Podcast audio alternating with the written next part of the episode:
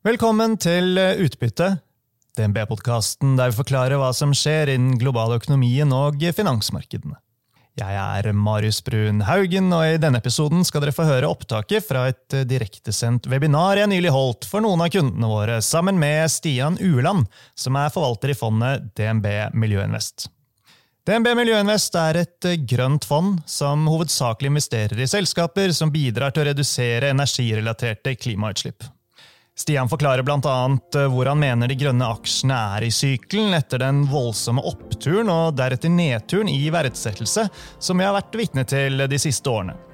Han går også nærmere inn på elektrifiseringstrenden, investeringer i verdikjeden til elektriske biler, elektrisitetsnettet og selskaper som har løsninger for å spare energi. God fornøyelse, og takk for at du hører på Utbytte.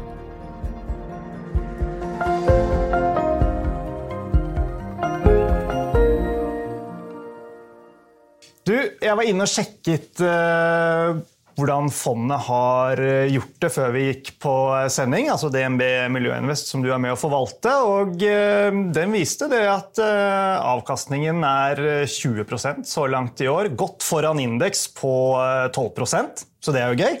Det er alltid fint å være foran indeks, selv om vi her snakker om det, det korte bildet. Og så må man jo også nevne at vi er inne i en sektor her som har hatt det tøft i det siste. Så, så, bak verdensindeksen er vi et par prosent, men eh, alltid gøy å være foran, foran indeks. Ja da. Og Det er viktig å nyansere og selvfølgelig tenke langsiktig. Eh, vi skal eh, komme tilbake til det også. Eh, eksponeringen man får eh, gjennom eh, fondet.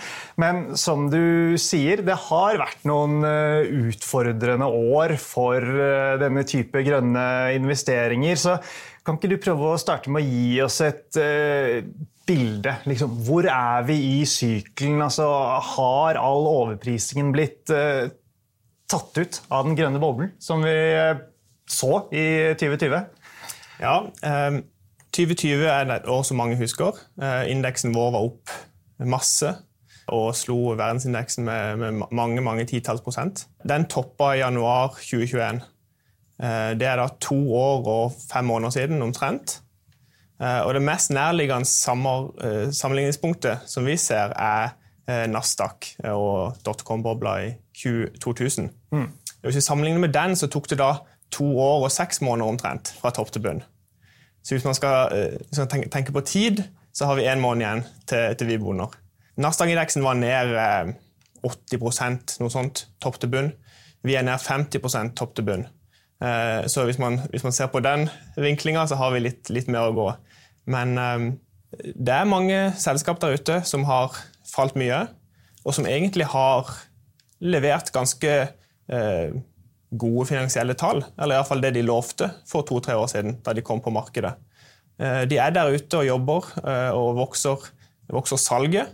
Og så får vi se om inntjeninga kommer. Det er jo ofte det som er problemet i denne sektoren. At, at, salg og vekst er det mye av, men inntjening, avkastning på kapitalen, eh, er vanskelig for mange selskap. Mm. Dere kan uh, investere i, mye forskjellig gjennom uh, fondet. Alt fra sol og vind til batterier, hydrogen, uh, biodrivstoff. Mye annet spennende knyttet til elektrifisering og osv.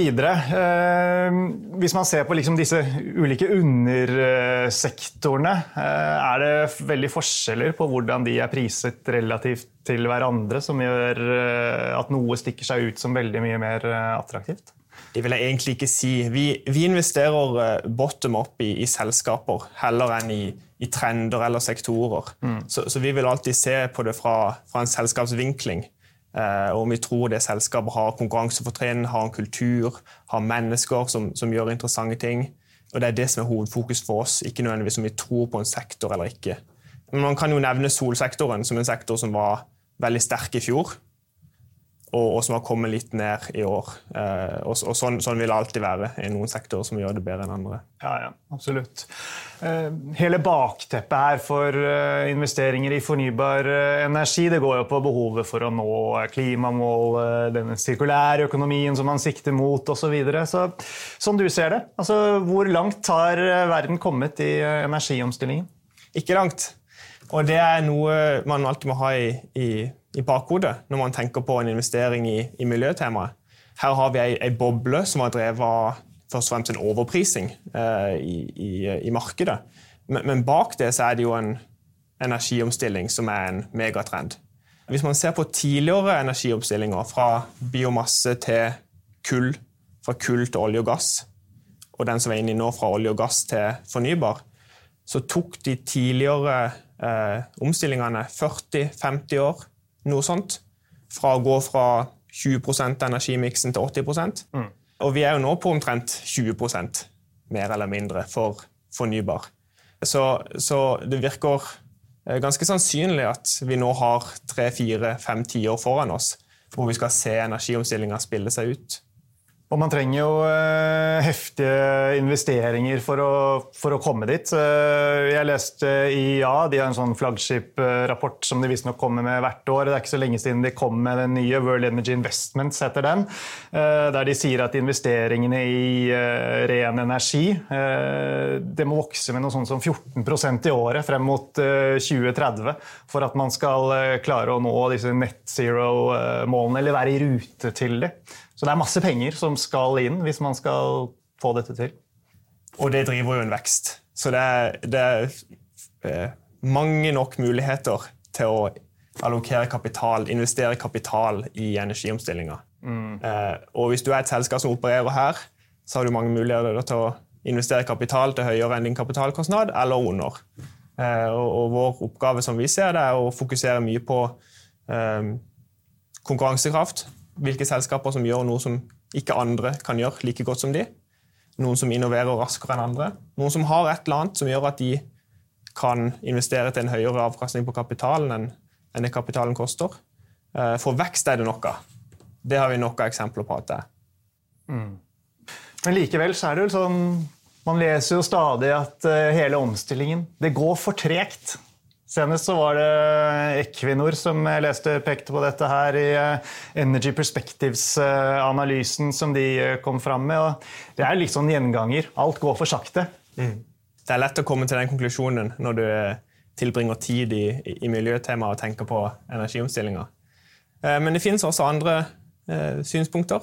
Hvis man tar en titt på Tesla sin, mega, sin, sin masterplan nummer tre, så får du jo et mer positivt syn på at dette kan gå. Og Forhåpentligvis så kommer vi jo til et punkt hvor ting bare akselererer. Og at det ikke er så altfor langt unna. Men vi får se. vi får se. Eh, kan ikke du si litt om hvordan dere definerer hele miljøtemaet og, og investeringsuniverset? Mm. Eh, si det litt mer i, i mm. detalj. Mm. Det første å si er jo at det fins ingen definisjon på miljøtemaet som alle er enige om. Eh, så man står i grunnen litt fritt til å definere det sånn som man vil. Og folk gjør det på forskjellige måter. Eh, det vi har gjort, er for det første ta en bred tilnærming til miljøtemaet. Så vi tenker på selskap eh, i prinsippet i de fleste sektorer som finnes, som bidrar til et bedre miljø. Ofte er dette redusere CO2-utslipp, men det kan være andre ting også. Og litt mer konkret så har vi da definert tre temaer eller undertemaer som vi mener eh, passer den beskrivelsen. Det første er energi. Det er åpenbart. Det, det har de aller, aller fleste typer miljøfond. Mm. Du har vind, du har sol, du har biodrivstoff. ikke sant? Og så har du hele verdikjeden her. Du har de som leverer teknologien. Eh, du har de som bygger og utvikler. Du har de som eier solparker, vindparker etc. Dette er energi. Ganske åpenbart. Tema nummer to handler om elektrifisering. Hvis du da skaper energi på en miljøvennlig måte, omdanner det til elektrisitet, gjerne, så må du da bruke denne elektrisiteten der du tidligere kanskje brukte eh, fossile brennstoffer, energikilder. To typiske undertemaer der er elektriske biler og også batterier. Um, og det andre er strømnettet. Investeringer i strømnettet. Så elektrifisering er nummer to. Og nummer tre handler om eh, ressurseffektivitet. Ofte er dette energieffektivitet, men det kan være andre, eh, andre ting også. Så energieffektivitet handler om eh, å bruke energi mer effektivt. Mm. Tenk, på, tenk, på, varmepumper, f.eks. En effektiv måte å, å, å, varme opp hjemme på sammenlignet med andre, andre muligheter. Så det er de tre temaene som vi ser på. Og da er det mm, mye man kan eh, investere i. Eh, dette med biodrivstoff. Mm. Det har ikke jeg fått helt under huden. Altså, I hvilken grad er det en del av løsningen mm. på, på, energiomstillingen? Ja, Det er egentlig et godt spørsmål. Men du kan jo tenke deg f.eks. etanol som et biodrivstoff. Så da planter man mais i USA, og så lager man etanol på det. Og så blander man det inn i bensinen til folk som kjører bil rundt i USA. Og så tenker man Da erstatter man iallfall petroleumbasert bensin. Eh, men på den andre sida bruker du jo et sted mellom en tredjedel og halvparten av all maisen som gror i USA, går til dette og ikke matproduksjon. Mm. Og så er det kanskje veldig dyrt òg?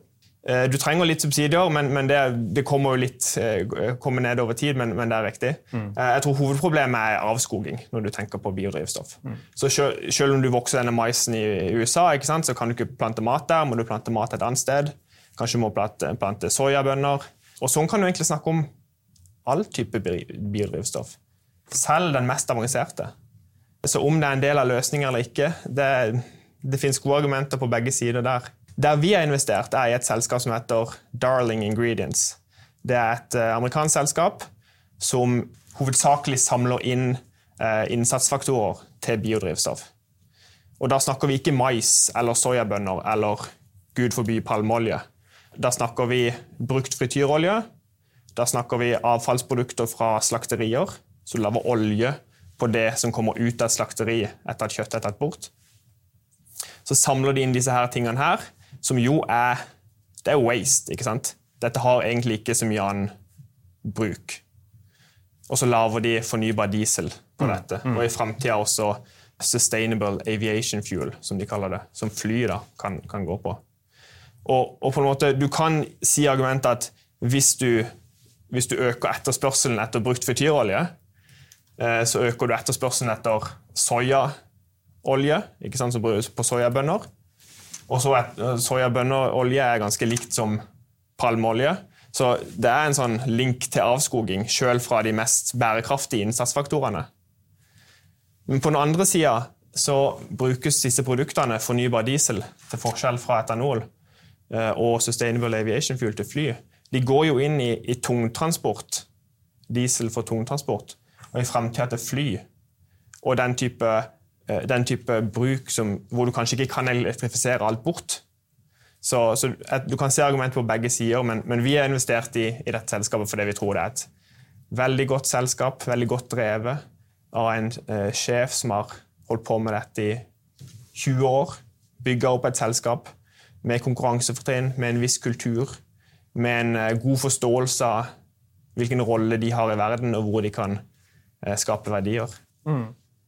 Spennende. Eh, I forhold til eh, elektriske biler, får man eksponering mot det i eh, Miljøinvestfondet? Det har jeg nettopp regna på. Og den eksponeringa ligger på rundt 14% av fondet. Okay. Så omtrent 14% av Miljøinvest i dag er ganske direkte eksponert mot Er det Tesla, eller er det andre ting også? Vi har, vi har to la oss kalle det elektriske bilselskap.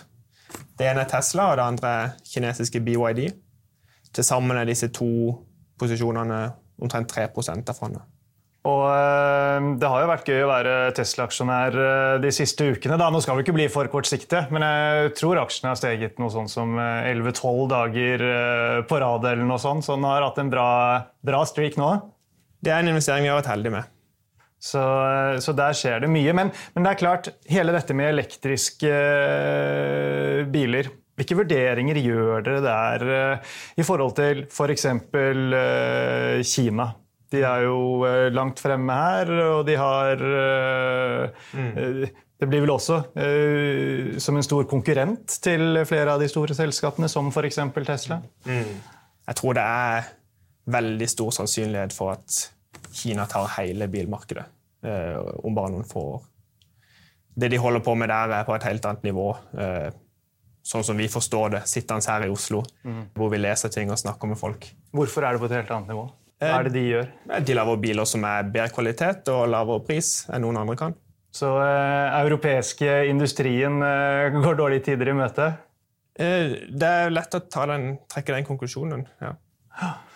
Nei, det er eh, definitivt uh, spennende. Men, uh, men, dette med elektriske uh, biler, det er noe dere ser på som bare kommer til å fortsette å vokse mm. mye i tiden, i tiden fremover. Og, og, fra et sånn investeringssynspunkt så er, er dette noe som, som man bør ha. Er det sånn å forstå? Altså, det at elektriske biler vokser raskt Jeg tror ikke vi er de eneste som har oppfatta det. Men, men, det er jo et godt eksempel på, på det vi snakka om tidligere. Da. At Her har du en ekstremt rask vekst, særlig de siste to-tre årene. Og særlig Kina, må man legge til. Men fremdeles så er det sånn Hva er tallet? Ti millioner biler pluss som er elektriske, som selges i året. Og det selges omtrent 80 millioner biler i året. Så du ligger på en sånn 10-15 eh, som er elektriske i verden. Hvis du tar med hybrid også, kanskje. Så, så det er jo langt å gå fra, fra 10-15 og opp til 80-90% Så du har den der megatrenden som ligger bak. Det er ikke, den raske veksten her er, er ikke syklisk, sånn som man fremstår for oss. Vi hadde et uh, tilsvarende webinar i forrige uke som dreide seg konkret om uh, Tesla med en av forvalterkollegaene dine, Audun Vikstrand Iversen. Får bare oppfordre de som følger med, til å gå inn og se det, hvis ikke dere har gjort uh, det. Men poenget mitt var at da gikk vi litt mer i dybden på Tesla, og Tesla er jo mye mer enn bare bilen. Mm. Det er batterier, det er teknologi, det er, det er, det er masse annet også. Og det er egentlig neste spørsmålet mitt til deg. altså sånn Utover liksom elektriske biler, hva mm. annet spennende er det som ligger i hele elektrifiseringstemaet? Mm. Altså Tre av de 14 prosentene ligger i disse to elektriske bilselskapene. Så har vi omtrent 6% som ligger i la oss kalle det gruveselskaper. Så der har du sjeldne jordarter og i enda større grad litium. Og dette er jo Her kan vi ikke snakke om skal vi si, mennesker, kultur og konkurransefortrinn i like stor grad som, som, på andre investeringer vi har. Men vi tror jo da at denne elektrifiseringstrenden er så sterk at gruvevirksomheten, de materialene man trenger, ikke klarer å henge med i den fasen vi er nå. Og så er Et annet element at de selskapene vi har valgt, i stor grad nesten utelukkende opererer utenfor Kina. Så du har den dimensjonen med at hvis du prøver å, å, spre risiko litt, de vestlige landene. Hvis de ikke vil liksom, at 80-90-100% av verdikjeden skal ligge i Kina, så har disse selskapene noe å tilby. da. Eh, det er vel ikke base caset vårt at de kommer til å tjene mer på å selge en commodity enn noen som har vært innom Kina. Men eh, det er et interessant aspekt når du tenker på geopolitisk kamp om ressurser. Mm. Hvor flinke er disse selskapene til å uh, utvinne, få tak i disse mineralene, kall det innsatsfaktorene, på en uh, miljømessig og bærekraftig måte? Da? Det er vel noe ja. dere er nødt til å se på? Ja, det er helt riktig. Så, så her er det selskaper som vi har brukt uh, ekstra mye tid på når det kommer til å, uh, å, å sjekke hvordan de opererer, om de følger alle lover, hva slags utvinningsmetoder de har. Det er jo litt forskjell på det. Hva slags holdninger de har til, til vann, f.eks., er ofte viktig. Eh, menneskerettigheter kan være viktig når man opererer i, i lang, langt, eh, langt ut på land i, i, forskjellige land i verden. Eh, så ja, eh, vi tror at disse også er best in class når det kommer til mining. Mm. Batterier er vel et annet uh, tema. Uh, meningene er delte. Man kan være for og imot om man skal ha batterifabrikker i Norge eller i Europa, eller hvor de skal være, om uh, hvem som skal subsidiere og få de i gang osv. Men, men batterier, mm. det trenger vi jo. Mm. Hvis vi skal få til dette her. Mm. Og, og, og, lagre strøm. den koden trenger vi å knekke i stor, altså i stor, i stor eh, skala. Si litt hvordan du ser på dette med batterier, og, og, og eventuelt eksempler på selskaper som, mm. som passer inn. Eh. Ja. Eh, jeg tror ikke batterier er selve kjernen, som ikke er løst ennå i energiomstillinga. Og da snakker vi også batterier til strømnettet for å kunne lagre, lagre energi. Mm. Da snakker vi litiumbatterier som kan lagre energi i noen timer for å stabilisere forbruken. Men vi snakker jo også andre typer batterier i framtida, eh, eller andre lagringsmekanismer i hvert fall, for å kunne lagre energi mer enn noen timer. Så, så, det er kjempeviktig. Og hvis man ser på det som heter Inflation Reduction Act Det er jo egentlig mer Inflation Increase Act. Eh, for her investeres det jo virkelig i batterifabrikker i USA og andre steder. Det er jo en av de veldig konkrete tingene som allerede vi ser kommer ut av den lovgivninga. De har gjort det veldig gunstig for eh, nasjonale og internasjonale selskaper å etablere seg i USA USA. nettopp starte opp uh, sånne typer type ting. Mm. Og, og, en, men en annen dimensjon er at her også så framstår det, iallfall for oss, sånn som vi ser det, at det er Kina det er der det skjer. Der I Kina har du 100 batteriselskaper som kjemper på teknologi, på skala, eh, og som er på et helt annet nivå enn resten av verden. Um, BYD som vi eier, driver jo litt med batteri, og de også. Så, så, der har vi jo på en måte en eksponering der. Men, men det er masse ledende selskaper i Kina.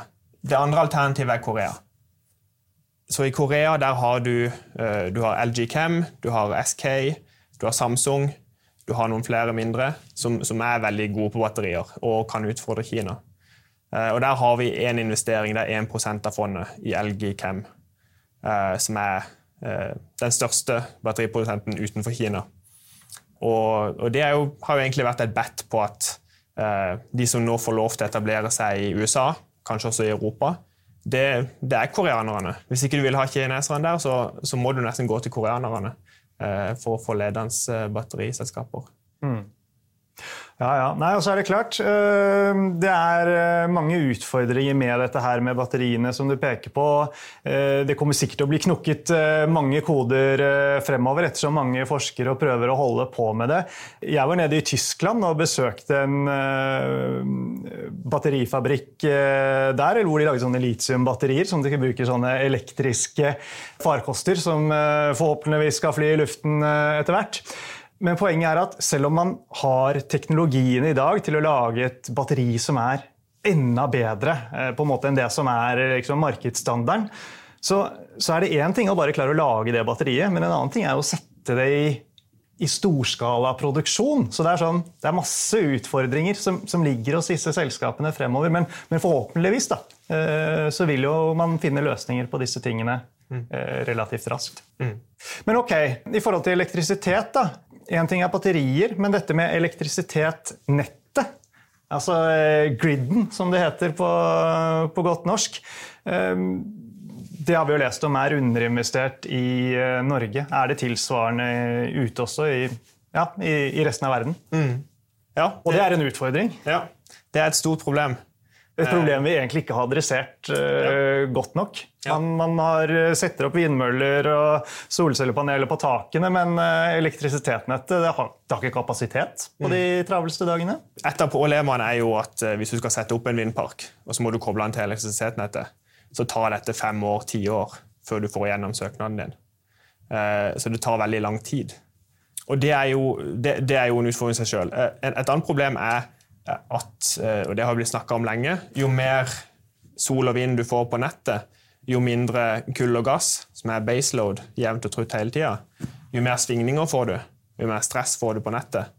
Så, så jo mer eh, batterier trenger du, eh, og kanskje også jo mer eh, smart teknologi trenger du for å kunne balansere nettet mm. når sol og vind går opp og ned. Så Det er jo to av utfordringene til nettet, som gjør at eh, det er et veldig spennende tema, tror vi. Hvor mye investeringer og vekst kommer til å skje her? Er, er, det lett å finne de klare kandidatene å, å satse på, eller er det, er det et, eh, en vanskelig del av, eh, av sektoren å, å, investere i? Ja, jeg, jeg, tror det, jeg, tror det, er et veldig viktig samfunnsproblem å finne, finne en løsning på hvordan man kan akselerere de investeringene i nettet. For det muliggjør fornybar energi, det muliggjør andre ting. Veksten i seg sjøl på nettet er vel lavere kan man si, enn en, en i andre deler av vårt space som har mye vekst. som jeg har vært inne på. Man kan investere i de som lager, de som lager kablene, eh, de som lager eh, trafostasjonene etc. Eh, vi har to investeringer. Den ene er Schneider Electric, og den andre er Hubble. Som er to selskaper som leverer litt av hvert kan man si, inn til strømnettet. Alt fra sikringsbokser til trafostasjoner til isolerende deler som, som, gjør at ikke strømmen går fra, fra strømkabelen og, og, inn i bygninger og andre ting hvor strømmen ikke skal gå. Masse sånne småting her og der, kan man si. Mm. Mm. Det er omtrent 5 av fondet i dag til sammen. de to investeringene. Ja. Hva med, hva med, løsninger eh, Eller selskaper som har løsninger for å, for å, spare energi? da? Altså, Hvor er det man finner eh, de beste investeringene her? Mm. For Det var litt det vi snakket om innledningsvis. Altså, det, det, handler jo om uh, like mye å klare å begrense energibruken som det er å finne nye måter å produsere energi på. Når man tenker på miljøinvesteringer, og miljøinvest kanskje for noen, så er det veldig lett å tenke på, på sol og vind. Kanskje man tenker litt hydrogen eller carbon capture eller et eller annet sånt som man hører om. Eh, som jo er kjernen av energiomstillinga. Men energieffektivitet har alltid vært et veldig viktig område for oss. Eh, og et stort investeringsområde for oss. Her er det veldig mange forskjellige selskaper som gjør veldig mye forskjellig innen sin nisje. Et eksempel på noe som vi eier, er Kingspan, som er et irsk selskap. Det er omtrent 2 av fondet i dag. Og det de leverer på, det de er ledende i sin nisje på, er isolering. Så tenk deg en sandwich med stål, isolering, stål. Så sender de disse platene ut. Og, og det er jo det er på en måte, her, ikke, her kommer ikke Kina inn og utkonkurrerer det. Her er det ikke sånn at man må ha noen sånn lovgivning fra, fra statene for å drive dette, eller eh, subsidier. Altså, eh, det, finnes, det, finnes, den type drivkrefter også, men, men, men tenk f.eks. Um, tenk for hvis du kjører ut fra Oslo, så kjører du mot uh, Gardermoen. På høyre side der så ligger det en, uh, en snø, snøpark hvor man kan stå på ski. Man har jo ikke bygd den man kan stå på ski året rundt. Den er bygd inne. Mm. Man har ikke bygd den for å nå klimamålene. Man har bygd den fordi at folkene har lyst til å stå på ski om sommeren. Og så er det opp til eieren å tenke hvordan skal vi kunne drive dette som en bedrift. Og da har de da gått til Kingspan for å få isolert hele bygget, topp til tå, med disse platene som er den beste isoleringa. De har kanskje også gått til Kingspan for å kjøpe ferdigisolerte rør som man kan sende fjernvarme ut på hvis man genererer fjernvarme eller fjernkulde. Um, så her har vi på en måte et selskap som opererer med litt andre drivere, uh, i en nisje med kanskje litt mindre tøff konkurranse enn de typiske sol- og vindselskapene. Hvor man kan uh, ja, generere konkurransekraft og, og, være bedre enn andre. Vokse gjennom oppkjøp år ut, år inn, og da skape verdier også for aksjonærene. Mm. Er det generelt mange muligheter, og vil det bare komme mer og mer antageligvis i årene som kommer, eh, med tanke på eh, nye krav som stilles til eh, nye bygg, tenker både private og bedriftsbygg osv. Når ting også skal moderniseres osv. Det må jo være mange selskaper her som står klare til å, å, å bistå med nettopp sånn type energieffektivisering, som igjen vil skape eh, forhåpentligvis gode investeringsmuligheter. Mm, det er helt klart. Eh, så det er, det er, regulatoriske drivere her også. Og Hvis du skal gjøre byggene i Europa mer energieffektive, sånn at de bruker mindre energi, sånn at vi blir mindre avhengige av russisk gass, eh, hvis du tar den tankerekka, så er det klart at det er, det er en driver for et type Kingspan-selskap. Mm. Men, men, hvis du skal bygge en batterifabrikk i Arizona, eller hvor du skal bygge den i, i sørstatene i USA, hvor det er 40 grader hele sommeren, da er det liksom økonomisk å ha god isolering i, eh, i bygget ditt. Eh, så det er, det er, ganske mange sånn rent økonomiske driver også for, for, den type selskap. Og Hvis du ser på den type selskap som, som Kingspan representerer, da, selskaper som har vokst jevnt og trutt uh, over lang tid, alltid tjent penger, dominerer sin nisje, har skala på R&D etc., som gjør at de har konkurransefortrinn, så er det faktisk omtrent en tredjedel av miljøinvest i dag, som kanskje ikke alle er klar over. Mm. Bra. Eh, mange gode grunner til å se nærmere på eh, Miljøinvestfondet altså. Hvis vi skal avslutte i eh, dag, eh, så er det med et eh, tema som vi ikke har brukt så mye tid på, nemlig eh, sol og vind. Men det har kommet inn litt spørsmål om det underveis. Får også bare henvise til at vi gjorde en oppdatering med særlig fokus på vind med din kollega Christian Rom, som vi sendte ut i podkastversjon tidligere i år. Det ligger ute tilgjengelig og er eh, fortsatt uh, lyttbart. Så vi anbefaler alle som vil ha mer om uh, vindsektoren og hvordan Miljøinvest-teamet ser på det, om å høre på den. Men bare sånn kort generelt om sol og vind og, hva som er mest spennende der, før vi runder av, Stian. Mm. dette, er jo, dette er jo store sektorer for fondet. Man kan jo nevne Vestas som er en stor posisjon. Folk kjenner kanskje til den aksjen. Kedleros er en, en posisjon uh, som vi har hatt en, en periode nå. Uh, hvor offshore wind er en, et, et, tema vi liker. Innen sol eier vi ganske mye. Altså, vi eier, uh, vi eier Skatec. her har vi jo en som utvikler og eier vindparker. Vi eier ganske mye eksponering inn mot sol på tak, spesielt i USA. Så sol, sol til forskjell fra vind, da, eh, kan man se for seg at har argumenter for at det skal være smått, lokalt distribuert. Hvis du, tar, hvis, du, hvis, du, tar, vind, da, og så dobler du diameteren, så får du fire ganger arealet. Hvis du tar sol, en solpanel, og liksom dobler, så får du bare dobbelt så mye arealet. Hvis du dobler antall stål, så dobler du antall areal. Så den, du har kanskje ikke den skalaeffekten i, i sol. Så, så, vi tror at det gir mening å ha det på tak. Hvis du tar det på tak, kobler det med et batteri og en smart hjerne som man kaller inverter, så har du da en liten lokal powerplant i huset ditt. Hvor du da i framtida, og nå, kan, kan, eh, men mer og mer i framtida, kan da selge den elektrisiteten inn til nettet og ta nettet når strømmen er billig. Og at dette kan være en løsning på noe av det vi snakka om tidligere med strømnettet. og balansere det. Hvis du har store nok uh, antall folk som har denne kapasiteten til å generere og lagre strøm hjemme, så kan du da forhåpentligvis forhindre noen av de uh, blackout, brownout, disse, disse, utfordringene som strømnettet har mye av i USA mm. og, og, andre steder. Nei, Det er eh, definitivt uh, mye spennende som skjer. og Selv om det av og til kan virke som om ting går litt uh, tregt, så skjer det jo veldig mye. det er i hvert fall følelsen jeg sitter igjen med, særlig etter at det har vært ekstra fokus på disse tingene da, de siste tre-fire årene.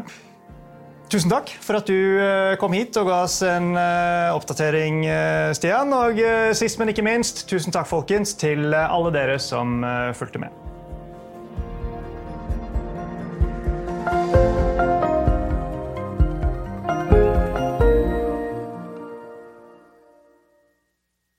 Denne sendingen ble publisert i podkasten Utbytte.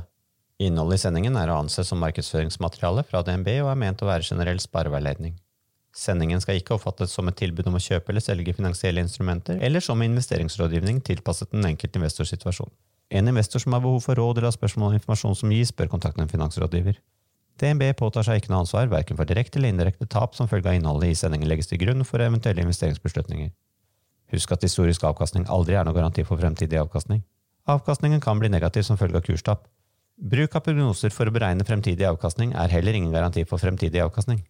Innholdet i sendingen bygger på informasjon fra offentlig tilgjengelige kilder som DNB ser på som pålitelige, men som ikke er uavhengig verifisert. Følgelig gir DNB ingen garanti i forhold til nøyaktighet og fullstendighet. Alle uttalelser her reflekterer DNBs, den enkelte ansatte, eller andre tredjeparts vurderinger på tidspunktet for den aktuelle sendingen, og kan i ettertid endres uten nærmere beskjed. Ytterligere informasjon om bl.a. kildebruk og interessekonflikter er tilgjengelig på dnb.no skråstrek invest, bindstrek disclaimer.